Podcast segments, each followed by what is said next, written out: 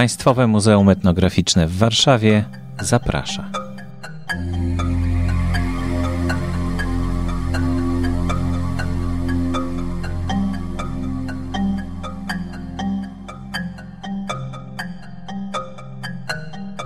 Dzień dobry, nazywam się Marta Elas i pracuję w Państwowym Muzeum Etnograficznym w Warszawie i chciałabym opowiedzieć kilka słów na temat historii tej placówki.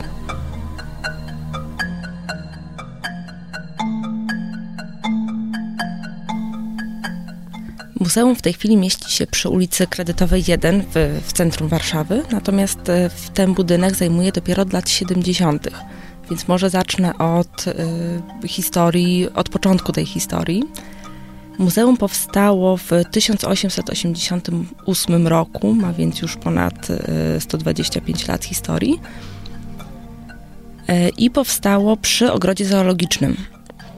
Taka ciekawostka, założycielami, głównymi założycielami placówki byli Jan Maurycy Kamiński i Jan Karłowicz – Mm, to umiejscowienie przy ogrodzie zoologicznym wynikało z kilku przyczyn. Jedna to była przyczyna, taka można powiedzieć formalna, administracyjna. W tym czasie Warszawa znajdowała się w zaborze rosyjskim, w związku z tym nie wolno było tworzyć nowych placówek, nowych instytucji tego typu.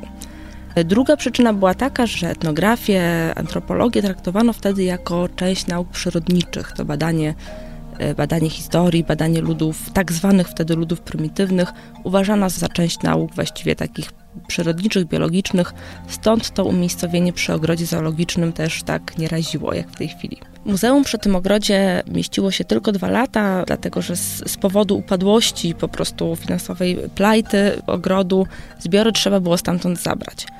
Przez jakiś czas można powiedzieć, że kolekcja się tułała od budynku do budynku, powstawały różne wystawy, y, mniej czy bardziej czasowe. Natomiast takie stałe, y, stałą siedzibę potem y, te zbiory znalazły przy Muzeum Przemysłu i Rolnictwa na krakowskim przedmieściu 66. I tam przy tym Muzeum Przemysłu i Rolnictwa aż do zostały aż do II wojny światowej. Jednym z założycieli muzeum był Jan Karłowicz, etnograf, muzykolog, folklorysta, językoznawca, członek licznych stowarzyszeń naukowych, m.in. Akademii Umiejętności w Krakowie i ojciec Mieczysława Karłowicza, kompozytora. Takich postaci ważnych, istotnych dla polskiej nauki, dla polskiej e, etnografii się przez historię muzeum e, trochę przewinęło.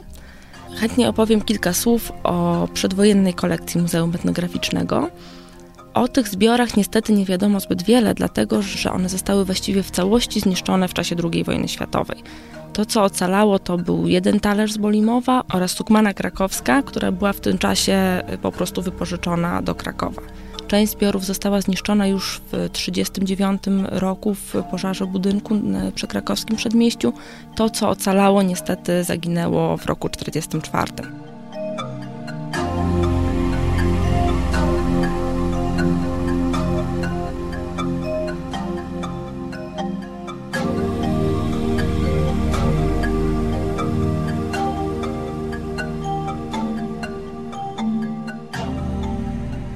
Zbiory były bardzo ciekawe.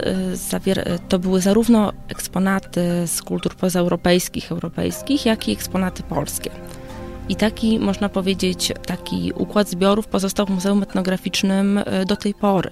Z jednej strony muzeum miało służyć takiej działalności naukowej, badawczej, miało służyć poznaniu kultury jako takiej, stąd zainteresowanie kulturami pozaeuropejskimi a z drugiej miało y, gromadzić też informacje na temat polskiej kultury ludowej. Dlatego, że w tych czasach, w czasach jeszcze przed y, odzyskaniem niepodległości, traktowano lud jako takiego depozytariusza tych polskich, y, narodowych, tradycyjnych wartości, które miały tam zostać, można powiedzieć, przechowane bez różnych obcych naleciałości. Stąd zainteresowanie wtedy też badaczek, etnografów, folklorystów tą kulturą rdzenną ludową. Dlatego też w tej przedwojennej kolekcji były zarówno obiekty z obszarów Polski, to były stroje, przykłady rzemiosła, sztuki ludowej, jak i eksponaty z kultur pozaeuropejskich, głównie przekazywane, no jako że Polska nie była krajem kolonialnym, więc ten, ten dostęp też, też y, nie był, nie był taki duży do tego typu zbiorów, jak, jak w przypadku części innych państw. To były zbiory przekazywane przez, przez ziemiaństwo, przez podróżników, Na przykład w zbiorach muzeum były zbiory z Afryki, z Kamerunu od Leopolda Janikowskiego. Leopold Janikowski był uczestnikiem pierwszej wyprawy polskiej do Afryki prowadzonej przez Szolc-Rogozińskiego. Były też zbiory od Jana Kubarego z Oceanii, od Bronisława Piłsudskiego, brata marszałka Piłsudskiego, który badał Ainów na Hokkaido i czy też e, no, od różnych innych, innych podróżników również. Niestety też informacja na temat tych zbiorów jest dosyć skąpa, dlatego że zniszczeniu uległy nie tylko same eksponaty, ale też katalogi, inwentarze. W związku z tym te informacje są dosyć szczątkowe, można je znaleźć na przykład w publikacjach, których autorzy powołują się na jakieś obiekty znalezione w muzeum, w muzeum czy w jakichś częściowych spisach.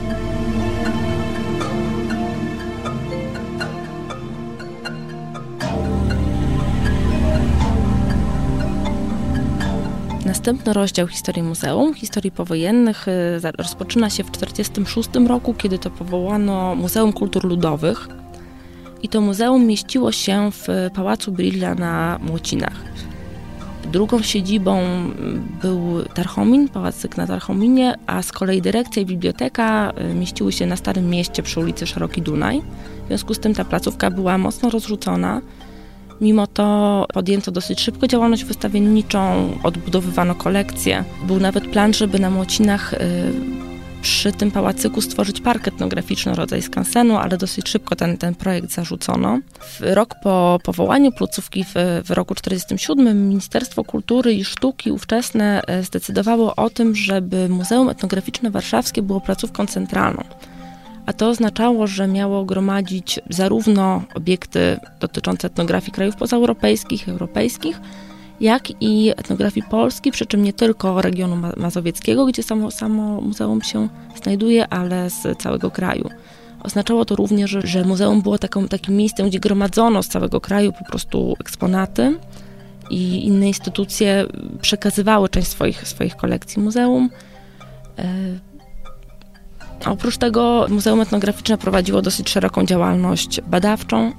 Obok pracowników etatowych, pracowników y, pracujących na miejscu właśnie w, na Młocinach, zatrudniano badaczy terenowych, którzy po prostu prowadzili badania na terenie całego kraju i przyczyniali się do odbudowywania tej kolekcji. W latach 50. i 60. Y, wystawy organizowano również na barce.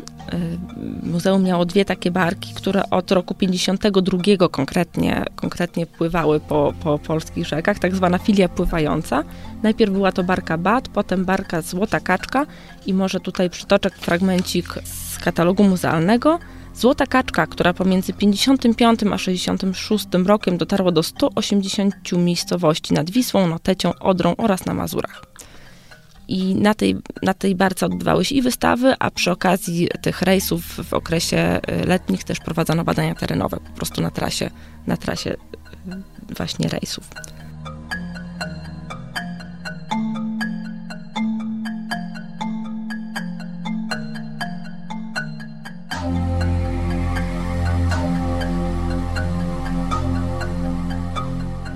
Nazwa muzeum kilkakrotnie y, była zmieniana, na przykład w 1955 roku muzeum nazywało się Muzeum Kultury i Sztuki Ludowej. Rok później dyrektorem został Ksawery Piwocki, profesor y, Akademii Sztuk Pięknych, który zresztą zajmował się też sztuką ludową. I Ksawery Piwocki właśnie rozpoczął intensywne działania na rzecz przyznania Muzeum Placówki w centrum Warszawy. Przez jakiś czas próbowano y, odzyskać jakąś, jakieś, może uzyskać jakieś pomieszczenia właśnie na krakowskim przedmieściu w miejscu przedwojennej siedziby. Natomiast w końcu w roku 60 przyznano muzeum właśnie budynek przy Kredytowej 1. Ten gmach to był przed wojną budynek Towarzystwa Kredytowego Ziemskiego. Został on dosyć mocno zniszczony, w związku z tym przez kolejne lata trwała odbudowa. I właściwie muzeum przeprowadziło się do tej placówki dopiero w latach 70. W 71 rozpoczęto przeprowadzkę, a w 73 otwarcie już nowej siedziby w siedzibie i, i tam muzeum ma swoje miejsce do dzisiaj. Jako ciekawostkę mogę podać, że ten gmach przedwojenny zdobiły freski m.in. Antoniego Kolberga, który był bratem Oskara Kolberga, największego polskiego folklorysty. W związku z tym jakieś związki z etnografią, chociaż tutaj dosyć odległe, ten budynek miał już od dawna. Od czasu przeniesienia się Muzeum Etnograficznego do y, budynku właśnie na Kredytowej 1 miał miejsce duży remont, który się zakończył w roku 2012, współfinansowany właśnie ze środków unijnych i ze środków y, Urzędu Marszałkowskiego Województwa Mazowieckiego i w wyniku tego remontu na przykład powstała winda dla użytkowników, y, podnośnik dla osób niepełnosprawnych, sale wystawowe zostały poddane renowacji, a między innymi biblioteka muzealna została przeniesiona w nowe miejsce na pierwsze piętro z odrębnym wejściem od ulicy Mazowieckiej. Ta biblioteka w tej chwili służy zarówno pracownikom muzeum, jak i przy czym w formie czytelni e, osób, osobom, wszystkim chętnym osobom zewnętrznym. I tam można jak najbardziej dowiedzieć się więcej na temat historii muzeum.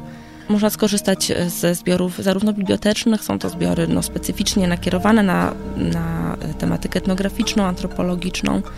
Jest też możliwość skorzystania ze zbiorów archiwum naukowego, przy czym tutaj Wymaga to wcześniejszych, wcześniejszego umówienia się. E, natomiast o historii muzeum na pewno można więcej się dowiedzieć również na wystawie Zwykłe Niezwykłe, która opisuje dosyć dokładnie proces e, kształtowania się muzeum e, po II wojnie światowej, proces budowania nowych kolekcji, przedstawia źródła pozyskiwania zbiorów i obszary tematyczne, którymi się muzeum zajmuje, również te najnowsze obszary zainteresowań. Muzeum dla osób zwiedzających jest otwarte od poniedziałku do niedzieli. Do biblioteki zapraszamy we wtorki, czwartki między 10 a 15. Strona internetowa muzeum to www.etnomuzeum.pl.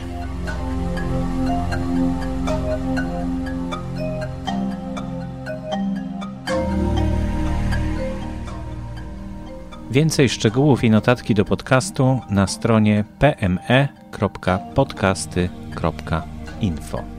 Strona Państwowego Muzeum Etnograficznego w Warszawie etnomuzeum.pl Zapraszamy do subskrybowania audycji przez iTunes. Podcast wspierany jest przez Fundację Otwórz się. Możesz pomóc w tworzeniu kolejnych audycji, przekazując dotacje na stronie otwórzsie.org.pl. Dziękujemy.